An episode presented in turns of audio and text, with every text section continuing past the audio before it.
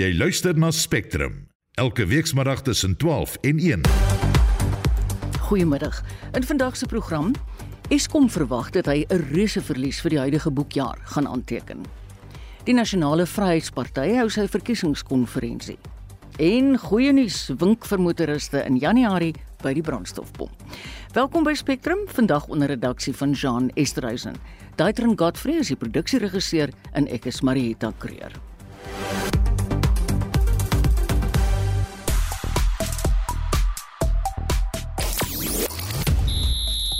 Protea netbalkaptein Bongie Msomi kondig haar internasionale uittrede aan en die Nkosi binnenshuise hokkie-toernooi begin vanaand in Kaapstad. Ek is Shaun Jooste vir RSG Sport. Kyk, die rede hoekom ons vandag 'n vakansiedag het, is die president het dit vir ons aangebied na die Springbokke se sege by die Wêreldbeker rugby toernooi. Nou dit is natuurlik ook 'n ding wat vreeslik kritiek uitgelok het, maar los dit nou eers daar. Ons wil weet was 2023 sonder twyfel 'n suksesvolle jaar vir Suid-Afrikaanse sport. En ons wil graag weet, wat is jou sporthoogtepunte van die jaar? Daar's verskillende maniere hoe jy ons kan laat weet. SMS lyn 45889, dit kos R50 of stuur 'n WhatsApp stemnota na 076 536 6961. Wat is jou sporthoogtepunte van die jaar? Spectrum, jou middagnuusprogram op RSG. Welkom terug by die program dis 6 minute oor 12. Die sentrale energiefonds se middel Desember data dui op moontlike goeie nuus vir die brandstofverbruikers aan die begin van die nuwe jaar. Die prys van diesel en petrol dui op die oomblikke oorverhaling aan. En as dit voortduur, sal verbruikers in Januarie 'n welverdiende ekonomiese blaaskans kan hê. Ons praat nou hieroor met die ekonom Dr. Rolof Botha. Hallo Rolof. Hallo julle. Hoe groot is die oorverhaling in die petrol en die dieselprys op die oomblik? Al as mens net kyk na die wisselkoers alleen, ehm um, dan kan dit hier in die orde van so uh, 5% wees. as mens kyk na die olieprys, uh dan is dit ehm um, waarskynlik ook in daai orde. Dis uh, verstommend dat die die wisselkoers het nou in 'n kwessie van minder as 2 dae Mm. uh teenoor die dollar met meer as 5% verstewig. Hy was 19.10 in 'n stadium eergister nog uh as ek reg kan onthou en hy's nou 18.15. Ek meen dis amper 'n uh, 'n uh, uh, volle uh 'n volle rand wat Ja. wat, wat hy uh, teruggeklou het. Uh en die olieprys uh, is is maar swak. Hy was nie lank gelede nie was hy uit, uit hy weer by 93 dollar uh, die Brent Mm. uh, die olie gedraai. Nou is hy by 77 en ek het 'n vermoede en ek het dit daarom ook op RSG 'n uh, uh, 'n paar weke gelede voorspel dat ons gaan in uh, in Januarie ook klaar uh, Ja, ek brandstofpryse onthou kry. dit. Kan nogal aanhou. Mm. O, baie dankie. ek kry dit nie altyd reg nie, maar as ek dit reg kry, hou ek daarvan as mense weet. Nee, ek moet jou sê ek hou daai Brent olie se prys met 'n valkoogdop. Want dit dit raak alles en almal, jy weet. Wat sal die brandstofprys dink jy in die nuwe jaar maak? Jy het nou gesê jy dink hy gaan aanhou daal. ja, uh, ek wil nou net ek so, ver uitsteek nie, maar hy kan moontlik uh, in die volgende uh, paar weke met uh, tussen 2 en 3 rand 'n uh, liter vir diesel en petrol daal. Dis dis 'n 'n beste moontlike situasie. Maar enige verlaging in hierdie stadium dink ek is baie welkom en nuus vir ons landbouers. O, definitief. Rolof, as ons op somming kyk na 2023 se inflasiesyfers, wat dui hierdie prentjie vir ons aan en hoe vaar ons? Ja, dit is uh waarskynlik die behalwe nou vir die brandstofpryse is, is is hierdie nou nog 'n kersgeskenk dink ek uh, van die ekonomie af en dit is dat die inflasie het nou weer bietjie teruggesak na 5.5 van 5.9 af. Uh, en dit ten spyte daarvan dat voedselinflasie nog hardloop hier op 9%, maar die van die redes waarom voedsel uh, prysinflasie uh, so hoog is, is besig om baie vinnig uit die stelsel uit uh uit 'n pad te gee. Daar was 'n groot probleem met ehm um, met aardappels, daar was 'n groot probleem met die hoenders en die Ja. eiers, soos wat ons almal waarskynlik van weet. Mm. En dit is besig om baie vinnig reg te kom. So dit dit wil voorkom asof ons redelik vroeg in die nuwe jaar na rentekoersdaling kan uh, uitsien. O, Ek dink baie van die luisteraars uh, uh, is bewus be, is bewus daarvan dat ek veg nou al vir 18 maande lank vir beter stryd in die Reserwebank om hulle net laat besef dat hier is nie vraaginflasie in ons ekonomie. Ja. Ehm um, hierdie uh, hoë uh, uh, inflasie wat ons op die oomblik het, daar spesifieke redes aan die koste drukkant wat dit veroorsaak en hoë rentekoerse kan dit nie regmaak nie. Dit kan dit net vererger. Ek weet jy sê dit uh, al baie lank al, Rolf. Nou hoekom luister hulle nie na jou nie? Jong, dis asof hulle dink hulle is die Fed in disguise. o, ek sien. Uh.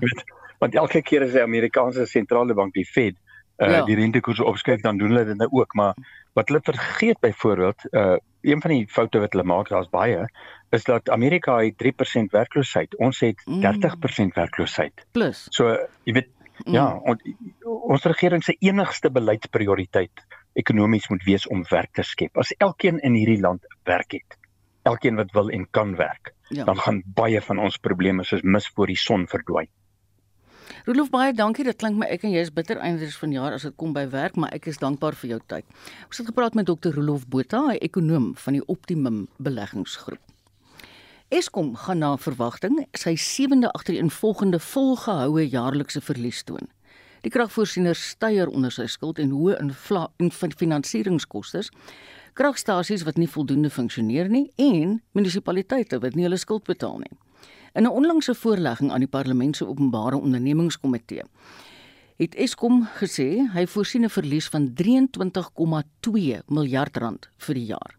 Ons praat nou hieroor met 'n voormalige senior bestuurder in die transmissieafdeling by Eskom, Hein Vosloo. Hallo Hein. Goeiedag Marieta. Was hierdie verlies te wagte?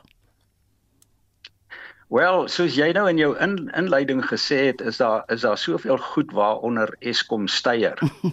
uh dat uh, mens kan mens kan sekerlik nie op hierdie stadium ver, verwag dat daar 'n uh, 'n uh, wins gemaak word nie soos jy gesê het die die wanbetaling van die munisipaliteite, die hoë rente delging en En dan uh, is daar een wat jy nie genoem het nie en dit is die ouens met die met die uh, solar op hulle huise ja. se dakke. Jy mm. weet daar's nou al mm. meer as een kragstasie wat aan die binnekant van die van die meter sit. Met ander woorde wat wat Eskom nie voor geld kry nie.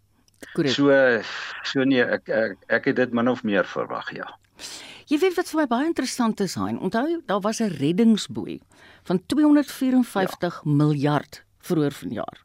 Ja.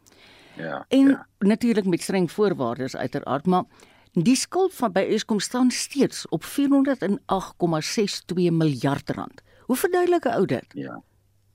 Nee, ek is nie heeltemal seker waar dit vandaan kom nie. Ek meen tensy die tensy die kostes van Eskom so drasties verhoog het want ons het almal gedink as daar 'n helfte van Eskom se skuld uh, nou gedelg word dan is hulle rente op die uitstaande skuld is is ook uh, uh, is ook daarom nou betaalbaar. Mm. Maar uh, Jy weet die die die probleem is dat daar is die ou kragstasies wat nie werk nie. Net om daai goed te onderhou moet sekere aardige bedrag geld kos. Dan het ons gesê die munisipaliteite betaal nie hulle rekeninge nie. Ons brand baie baie baie diesel. Ek het nog ja. nie die diesel syfer onder oog gehad nie. En dan is daar sulke klein goedjies, jakkalsies uh, soos uh, die die aankope prosesse van van Eskom. Jy weet Eskom koop nie by die goedkoopste ou wat wat tender nie. Hy koop by iemand wat uh, oor al die hekkies gespring het en so aan. En dit is nie die goedkoopste verskaffer van 'n mm. van 'n diens of 'n produk nie. So dit is ja. maar 'n is maar 'n haaglike toestand. 'n Donker prentjie. Dink jy ja. Hein, ons kan nie so oor die fees letterlik en figuurlik. Kan ons Correct. minder beerkrag oor die feesseisoen verwag dink jy? En kyk baie fabrieke en nywerhede well, is toe is is toe en daar is natuurlik meer onderhoud wat nou gedoen word maar mense ook hoop dat die mense wat die onderhoud doen dan ook so 'n bietjie tyd afvat oor oor Kersfees. En uh, dit is somer met ander woorde ons sal nie so baie elektrisiteit gebruik as as dit nou sou winter wees hierson nie. Ja, dis waar. So ons ons kan ons kan maar ons kan maar net hoop daar da, dat dit eh, 'n uh, bietjie beter sal gaan hier oor die Kerstyd. Hoe dink jy Eskom kan sy produksiekoste verminder? Ja, Marieta, kyk, uh, kom ons kyk na een van die groot uitgawes. Uh toe ek nog daar was, was uh van my begroting omtrent 60% van my begroting was was vir vir uh, mense se salarisse gewees. Ja. Nou die eerste plek waar jy dan nou moet sny is is is daar. Nou ek weet in die tyd van Andre de Ruyter uh, is die hoeveelheid mense gesny van 48000 af na na omtrent so 38000 of daar rond, hierso by die 40000 mense rond. Maar nou sit jy ook met die tamaletjie dat as jy nou met 'n klomp ouens ontslaa raak, wie gaan jy eers te laat loop? Die ouens wat die langste diens het. Dis ook die ouens wat die meeste ervaring het. So so daar dink ek is 'n moeilike plek om mee te om mee te uh, woeker in te in te sny. Uh, ek dink sulke goed soos die aankoopproses en en uh, jy weet jy onthou die storie toe toe Andre de Ruyter die uh diesel aankope direk by by die ja. verskaffers wou koop was hy nie toegelaat om dit te doen nie. So dis daai goedjies wat wat aanhou knaag en vreet en wegvreet aan die in die winste van die van die maatskappy. Ai, dis jammer om sulke goeie. Hoor my jy's reg. Baie dankie Hein. Ons het gepraat met Hein Vosloo, 'n voormalige senior bestuurder in die transmissie afdeling by Eskom. Die Nasionale Vryheidsparty wat vandag en môre sy verkiesingskonferensie hou, kan nie aan volgende jaar se algemene verkiesing onder sy eie naam en identiteit deelneem nie.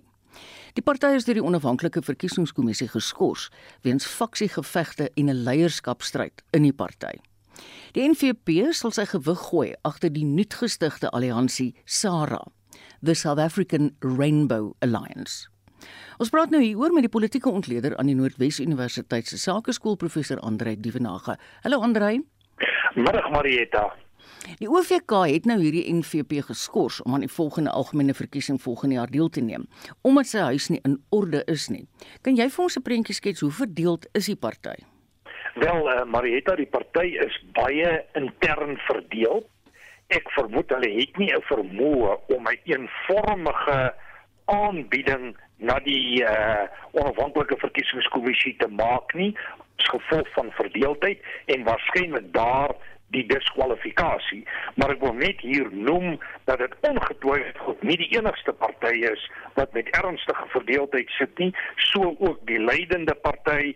Ons het gevegte gesien in die demokratiese uh, alliansie en so meer die IF, die die IFP het dit 'n bietjie uitgesorteer, die die uh, EFF is ook maar 'n party wat sy eie interne spanninge het wat onlangs tot 'n hoogte gekom het tussen Floyd Shivambu en Julius Malema. So dit sal interessant wees om te sien hoe konsekwent die OVK hierdie besluit gaan toepas. Maar dit klink vir my of die NFP dit aanvaar het en of hulle nou uh hulle self gaan skaar soos jy dit reg genoem het onder die South African Rainbow Alliance. Dis my baie interessant hierdie situasie van Sara. Watter ander partye val almal onder Sara? Wel, uh, daar is nou die National Freedom Party, dan is daar ook die Amalgamated Restorative Movement en die Independence Citizen Movement. Nou al hierdie partye is eintlik klein en onbekend en is natuurlik onder die leierskap van Colleen Makubela. Nou sy is iemand wat op 'n stadium verbind was of in die leierskapposisie was in uh Cope en toe deur die Cope leierskap geskort is. So dit wys vir jou die mate van fragmentasie mm. in die politieke proses. Maar as ek net vinnig die lyn kan trek na KwaZulu-Natal toe en ek dink dit is nou hier waar die NVP se primêre steunbasis gelê het, moet ek sê dat die 2024 verkiesing kan groot dinamikas bring in daardie betrokke provinsie. En hier dink mense aan die onlangs uh party van wat wat nou verbind word aan die voormalige president Jacob Zuma, naamlik Umkhonto weSizwe en mens verstaan dat die party wel geregistreer is binne die OVK. Nou indien dit die geval is, dan sê dit vir my dat daar groot gevegte voorlê. Ek verwag natuurlik nie dat hierdie alliansie baie sterk en baie goed gaan mm. presteer nie, mm. maar wat ons duidelik optel is 'n proliferasie van politieke partye. Ek dink in 2019 het daar so wat 48 politieke partye nasionaal deelgeneem. My vermoede is dat die totaal hierdie uh, met hierdie komende verkiesing heel wat meer kan wees as 48. Jy weet Sarah het nou nog nie as 'n politieke party by die verkiesingskommissie geregistreer nie. Dink jy hulle sal aan die verkiesing kan deelneem? Wel, hulle sal moet registreer via die prosesse en dit is nie altyd vir my duidelik hoe die OVK besluit wie moet en wie moet nie registreer nie. Ons moet in gedagte hou dat die kiesstelsel 'n gewysigde kiesstelsel is met die oog op die 2024 verkiesing omdat dit moet ruimte laat vir onafhanklike kandidaate en onafhanklike kandidaate moet ook op wyses hulle self bewys alvorens hulle registrasie afgehandel is. So ek vermoed die prosesse op die oomblik is nie duidelik nie, maar my vermoede is dat nuwe partye steeds so Sara uh, hulle steeds sal kan registreer as hulle aan die nodige vereistes voldoen. Ons moet natuurlik onthou dat vir 'n party om deel te neem, moet jy lyste kan aanbied en jy moet 'n klomp goed kan doen ooreenkomstig die vereistes van die kiesstelsel. Jy het bedrag geld wat jy moet betaal en so meer. So daar's 'n klomp hekkies om oor te kom. En dit is dalk 'n goeie ding want ek dink op 'n manier kompeteer daar reeds te veel partye mm. aan die proses as ons net kyk van die 948 wat deelgeneem het in 2019 het so wat 14 verteenwoordiging in die parlement gekry waarvan 4 miskien 5 partye groter steun het en sterker deelneem aan prosesse. Die res sit werklik met 1 of 2 of 3 mense binne die nasionale vergadering. Jy het net nou vlugtig na die IFP verwys Andrej het hulle die steun wat hulle destyds aan die Nasionale Vryheidsparty afgestaan het wel kon terugwen. Uh Marietta, dit kom op sigwaarde so voor. Ons moet onthou die Nasionale Vryheidsparty het in die Zuma tyd tot stand gekom. My inligting is dat dit 'n veiligheids- en staatsveiligheidsinisiatief was met die spesifieke doel om die IFP te ondermyn. En baie mense het ook gereken dat by die afsterwe van Mangosuthu Buthelezi dat die einde van die IFP sou wees.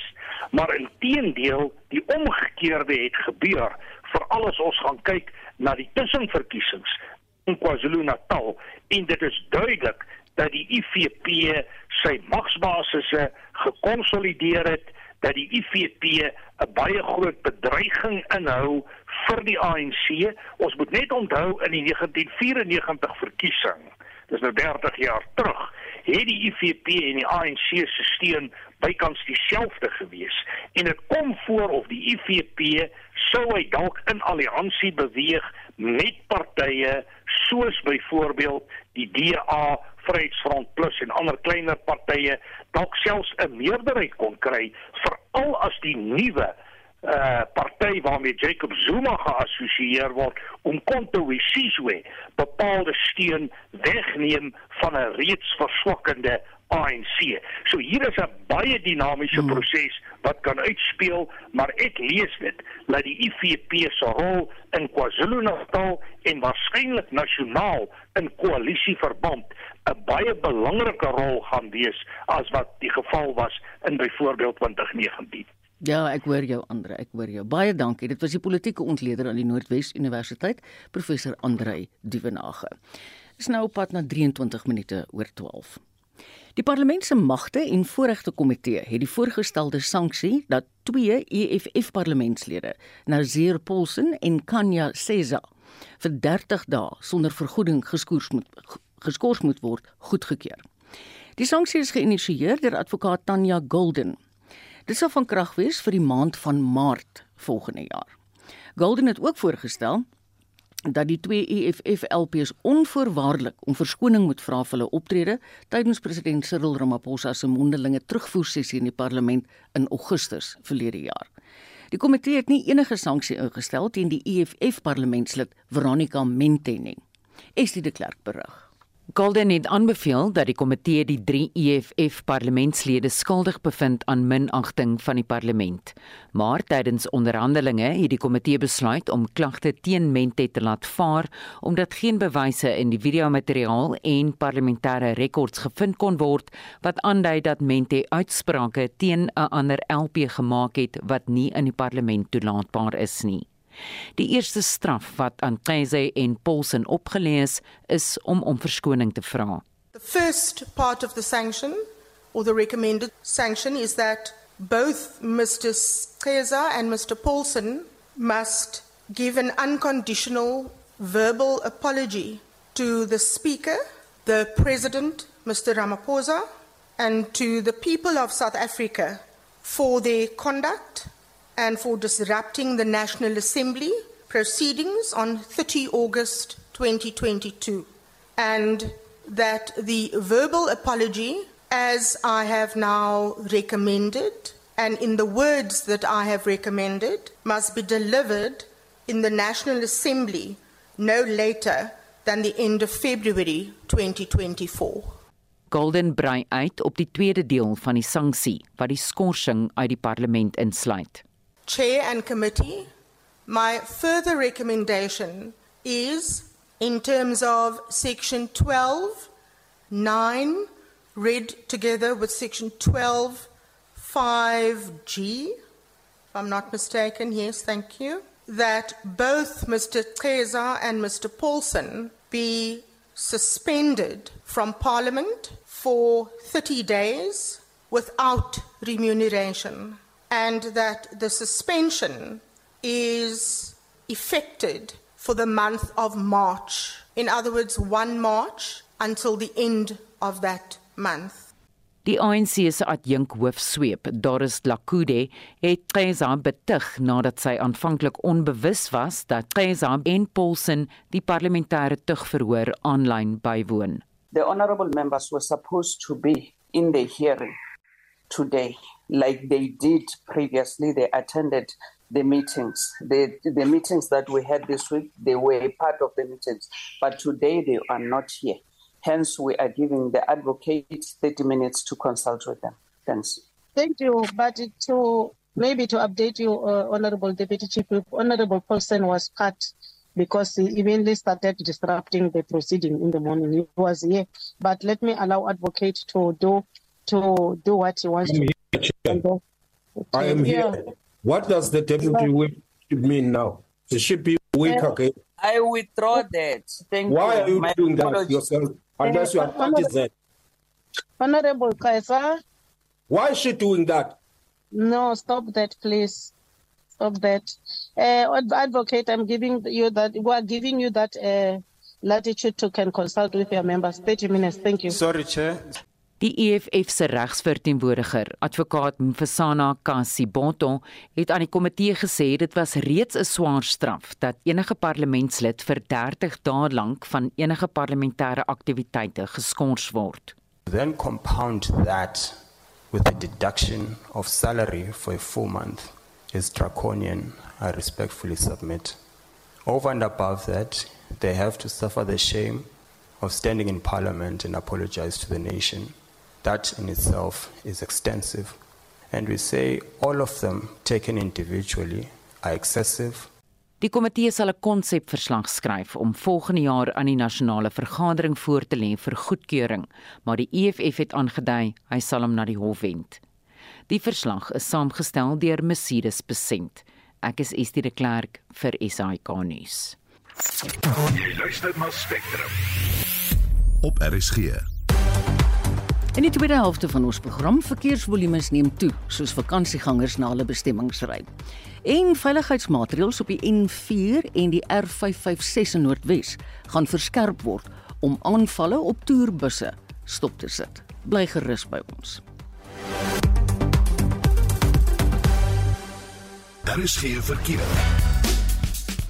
Die groot uittog na vakansiebestemmings het begin. Verkeersvolumes op die land se hoofroetes het sedert vanoggend drasties begin toeneem.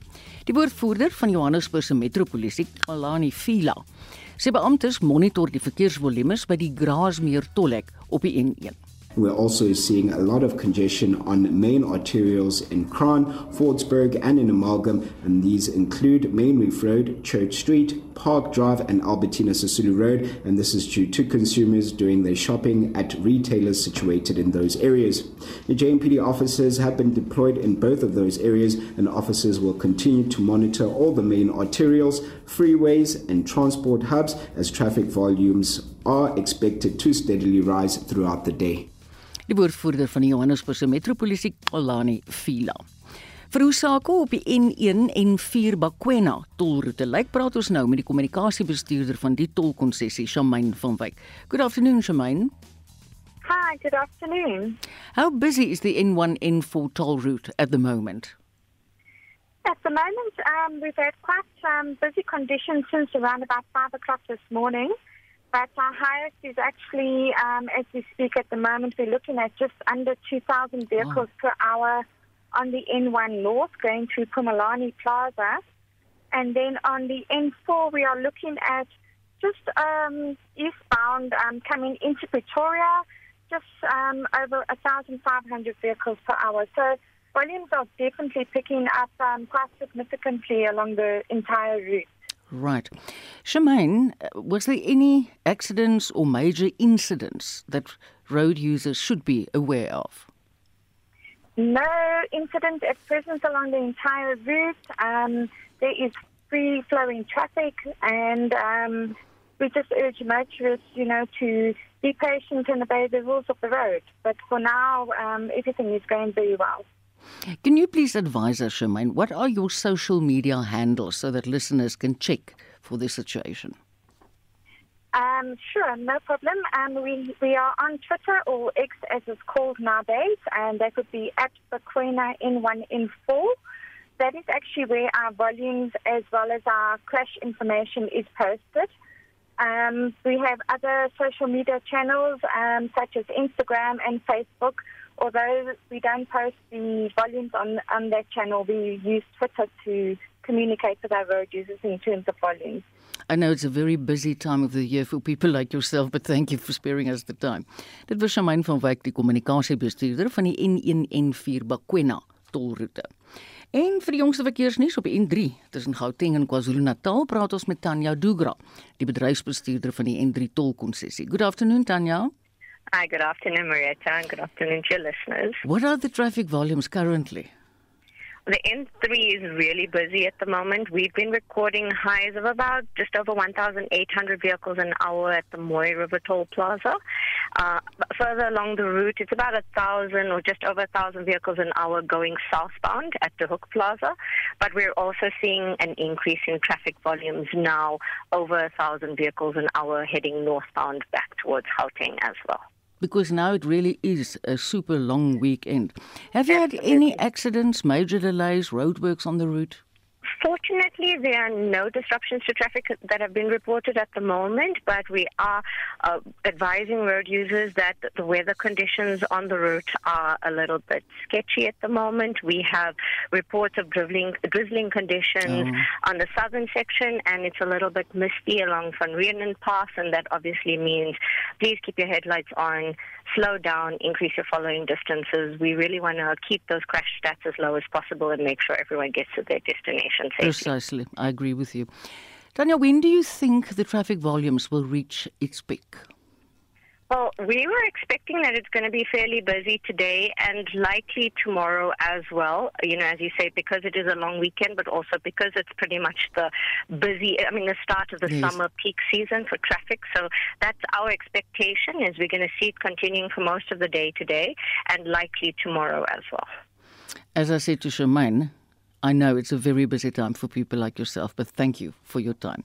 Dit was Tanya Dugra, die bedryfsbestuurder van die N3 tolkonssessie. Ons wil vandag geweet het by die luisteraars, wat is jou sporthoogtepunte van die jaar? Hier's wat van julle gesê het op die WhatsApp lyn. My sporthoogtepunte vir 2023 was sonder twyfel die uitmuntende half-eindstryde as ook die eindstryd in die rugby wêreldbeker toernooi van 2023.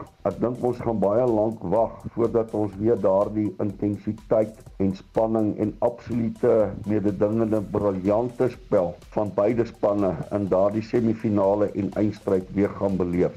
Dis Jonathan Aprilli op Gouda. Nee, my hoogtepunt is definitief 12-11 teen die All Blacks Wêreldbeker eindstryd 2023. Die rede, ek het vandag 'n vakansiedag.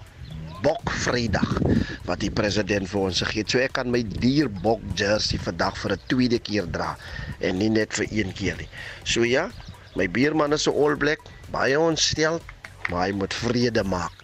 So Pieter Omomani van Belwel. My persoonlike sporthoogtepunt was definitief dat ek hierdie jaar in die US Lawn Bowl Open in Amerika kon deelneem. Dan was ek ook by Monza F1 en Zandvoort F1 Wat natuurlik uitstaan vir my is dat die bokke hierdie jaar weer die wêreldkampioene is. My naam is George. Ek wil sê my sporthoogtepunte is die cheetahs wat die Karibieke gewen het.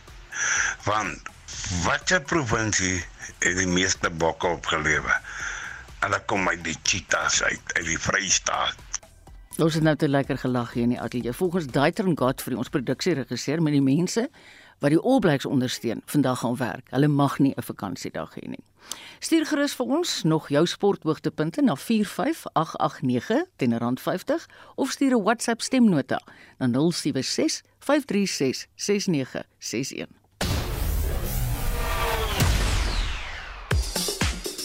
Shaun Justus sluit nou by ons aan met die jongste sportnuus. Hallo Shaun. Middag Marieta. Die Protea netbalspan is op soek na 'n nuwe kaptein na nog 'n uittrede aangekondig is. Ja, die 35-jarige Protea kaptein Bongie Msomi het haar uittrede bevestig en sy laat 'n groot leemte in Suid-Afrikaanse netbal. Sy het 171 keer vir die nasionale span op die baan uitgestap, die meeste nog vir Suid-Afrika. Sy het haar debuut in 2011 teen Singapore gemaak en is in 2016 as kaptein aangewys. Suid-Afrika het sy het Suid-Afrika ook in 4 wêreldbekers en 3 statebondspele verteenwoordig en ek sien ook uh, gister het Pumza Maweni met 3 wêreldbekers en 121 toetse agter die rug ook haar uh, uittrede bevestig.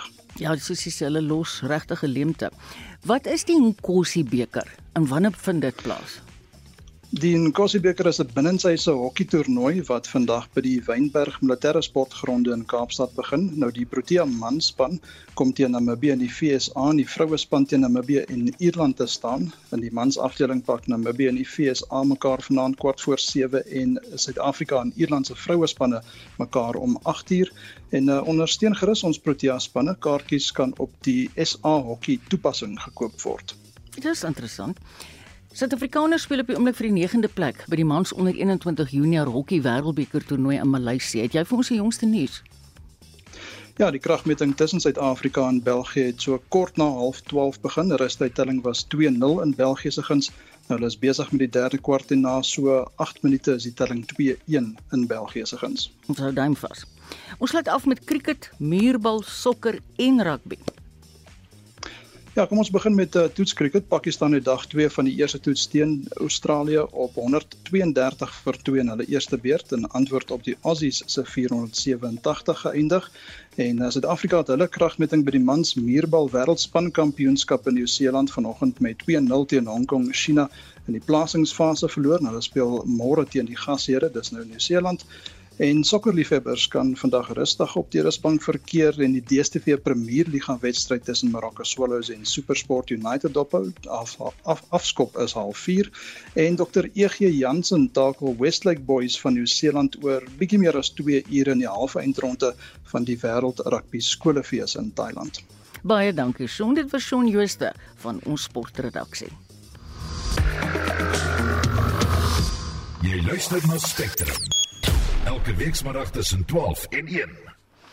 Dis nou so jong nou met ek 'n som maak en dis baie moeilik vir my in hierdie stadium van die jaar. Is so 17 minute voor 1. 'n Paar vakansiestories wat nou voorlê.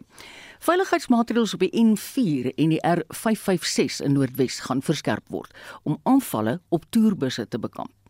35 sekuriteitsvoertuie sal ontplooi word om die toerbusse te begelei na onder meer die Sun City vakansieoord. Die polisie gaan ook sy patrollies op die roetes vermeerder om 'n sigbaarder veiligheidsteenwoordigheid te handhaaf. Joan Marie Verhoef doen verslag. Sarah Manone is van die departement van ekonomiese ontwikkeling, omgewing en toerisme in Noordwes. Sy sê die aanvalle op toerbusse gaan 'n groot impak hê op die plaaslike toerismebedryf. So we've had about four incidences in the province. The first one happened on the 7th of October 2023. The incident location happened in Seating Junction on the R556. It included nine Spanish nationals and one driver. And then there were jewelry and watches and money which were stolen, and a case was opened. And the second case was on the 24th of November between Maguluko and Sekhoyalani. It was involving 32 Austrians, one local and one Austrian tour guide and one driver. No case was opened because the driver took a decision to drive through without stopping. And on the 2nd of December, six Germans and two Polish and one European and two British and one driver. Die hoofbestuurder van die Sun City vakansieoord, Brett Hoppe, sê alle rolspelers in die bedryf werk saam om die veiligheid van toeriste te verseker. We have not particularly had incidents of this nature to this point. So this necessitated us developing a plan very quickly. The province has deployed 35 vehicles over season across the province, and they will be supplying escorts of various forms and sorts to those large scale tour operator movements across the province. We've been directing tour buses to use the N4 in reaching the Pilansberg area. A centralized email address and landline number are being utilized for all big groups traveling this route. SAPs will be kept informed through daily reports, which will be shared via the data collection agents located at Sun City. Hoppe sê dis nie net toerbusse wat aangeval word nie. People are targeting tour coaches because they represent a significant value. If you have 35 international tourists in a single location with watches, typically cameras, forex, tablets, etc., it is much more meaningful than a single vehicle. We believe that potentially these vehicles are being followed from Gauteng into the northwest, although that is speculation at this point in time, but there is a single MO that has been demonstrated at this point, and it has not thus far targeted individual vehicles. It's targeted large movements of international tourists. 'n Toerismeveiligheidshulplyn is ingestel en toeriste kan navraag op WhatsApp stuur na 064 859 6795. 064 859 6795. Die verslag is saamgestel deur Sentleng Lehihi in Noordwes. Ek is Jean Marie Verhoef vir SAK nuus. Die Kaapstad Metro sê hy gaan meer hulpbronne beskikbaar stel om Vlaaberg en omliggende gebiede soos Tamboerskloof en die Bo-Kaap veiliger te maak. 'n Vlaagrooftogte is in die Leeukop en Vlaaberg omgewing in die afgelope weke aangemeld. Hoëgeplaaste amptenare van die metro het gister die Tafelberg Nasionale Park besoek om veiligheidsmaatreëls na te gaan. Anmanay Eckart berig. Die burgemeester van Kaapstad, Jordan Hill Lewis, sê die metro gaan by komende wetstoepassers ontplooi om die gebied meer gereeld te patrolleer. Using clever technology, drone technology, right now, actually, part of the reason why we've done this walk this morning is to map out certain camera installations that the city is going to be funding. And so we're doing everything that we can to make sure that the whole mountain is safe for everyone, Capetonians from across the city, and of course, our many hundreds of thousands of visitors. Die burgemeesterskomitee lid vir veiligheid en sekuriteit, JP Smit, sê 'n aantal verdagtes is reeds in hegtenis geneem in verband met die aanvalle op stappers en inwoners. Ons het 'n aanval hier gehad net hier onder van die persone wat hier was as slagoffers van daai aanval wat saam met ons vanoggend loop. Ons het dit reggekry om daai persone te arresteer. Hulle het ander klere aangetrek en die klere wat hulle gedra het ten tye van die aanval weggesteek. Ons het hulle gevang, afgeneem. Hulle is minderjariges en die hof het hulle vrygelaat weer in die toesig van hulle ouers. Ek vermoed hulle is waarskynlik nog steeds besig om dit te doen. So ons het regtig die kriminele regstelsel nodig om saam met ons te werk om die uitkomste te kry wat te sê, maar ons is vinnig besig om hierdie probleem ten bowe te kom. Inwoners voel onveilig om op die berg te stap. 'n Inwoner van Tamboerskloof, Johan de Wal, het egter die nuwe veiligheidsmaatreëls verwelkom.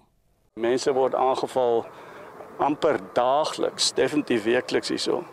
So vir ons is dit baie bemoedigend dat die burgemeester ons hier volgens saam met ons kom stap het.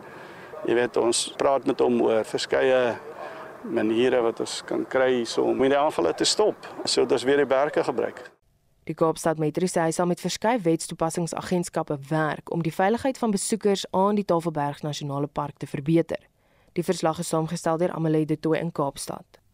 Die KwaZulu-Natalse premier, Nomusa Dube-Kube, sê sy is tevrede met die vordering wat gemaak word om die watergehalte by Durban se strande te verbeter. Dit volg nadat daar van dese week hoë vlakke van E. coli in die seewater by 6 gewilde strande gevind is. Daar was tydens verlede jaar se Kersvakansie ook groot kommer oor watergehalte by die metro se strande nadat oorstromings in April en Mei van daai jaar groot skade aan riool-infrastruktuur aangerig het. Dries Liebenberg berig. In 'n media-konferensie oor die laaste vergadering van die provinsiale regering se uitvoerende raad het Dube Ngube haar tevredenheid uitgespreek oor vordering met die herstel van vloedskade aan riool-infrastruktuur en die gepaardgaande verbetering in watergehalte. Sy sê uit die Durbanse metro se 23 swemstrande is die aan die Goue Myl, by Umhlanga en Umhloti noord van die stad oop. Sy sê herstelwerk word nog by Amanzimtoti gedoen, maar volgens haar sal dit teen aanstaande week afgehandel wees. Dubeng Lube sê die provinsiale regering verleen hulp aan die eThekwini munisipaliteit waar nodig, soos die van amptenare van die departement van omgewingsake. Like you would remember even last year we were working very hard as a province to ensure that we have strong oversight over eThekwini because eThekwini municipality is the hub of our economy of this province. So we cannot afford for eThekwini to fail. That is why we've got to insist and make sure that they are up to scratch. They are actually doing what they are supposed to do in terms of making sure that the upkeep of our beaches, the quality of water is in a healthy state for our people to use. Die bekendmaking van uitslae van watertoetse wat kritieke vlakke van E. coli by ses strande aan die Goue Myl getoon het, het weer eens tot kommer gelei of mense oor die Kersvakansie in die see sal kan baai. 'n Omgewingskundige, Janet Simpkins van Adopt River, het vroeër daarop gewys dat wind, getye en seestrome daartoe kan bydra dat watergehalte gou kan verbeter. Dube Ngube sê die publiek moet ook voldoende ingelig word as swemstrande nie veilig is nie. We have asked that the municipality must give notices instead of allowing people to go to the beaches when they are not safe. And we've seen that uh, when the beaches are not safe, they do put the signs, but it's not enough.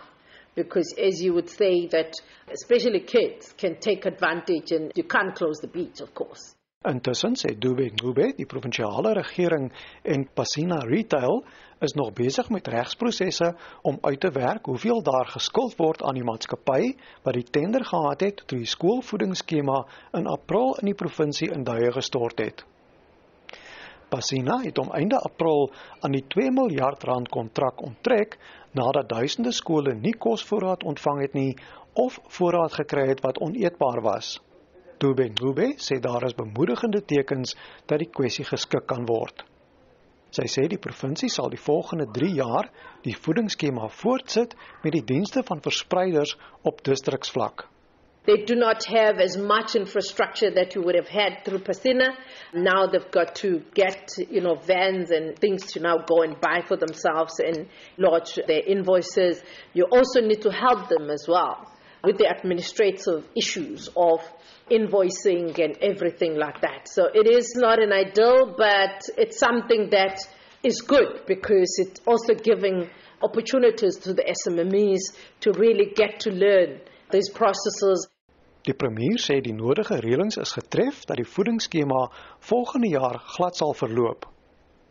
Dubengube sê 2,9 miljard rand is begroot om volgende jaar maaltye aan 2,4 miljoen leerders by meer as 5000 skole te verskaf. It further contributes to the improvement of the livelihood of our poor communities through the creation of work opportunities.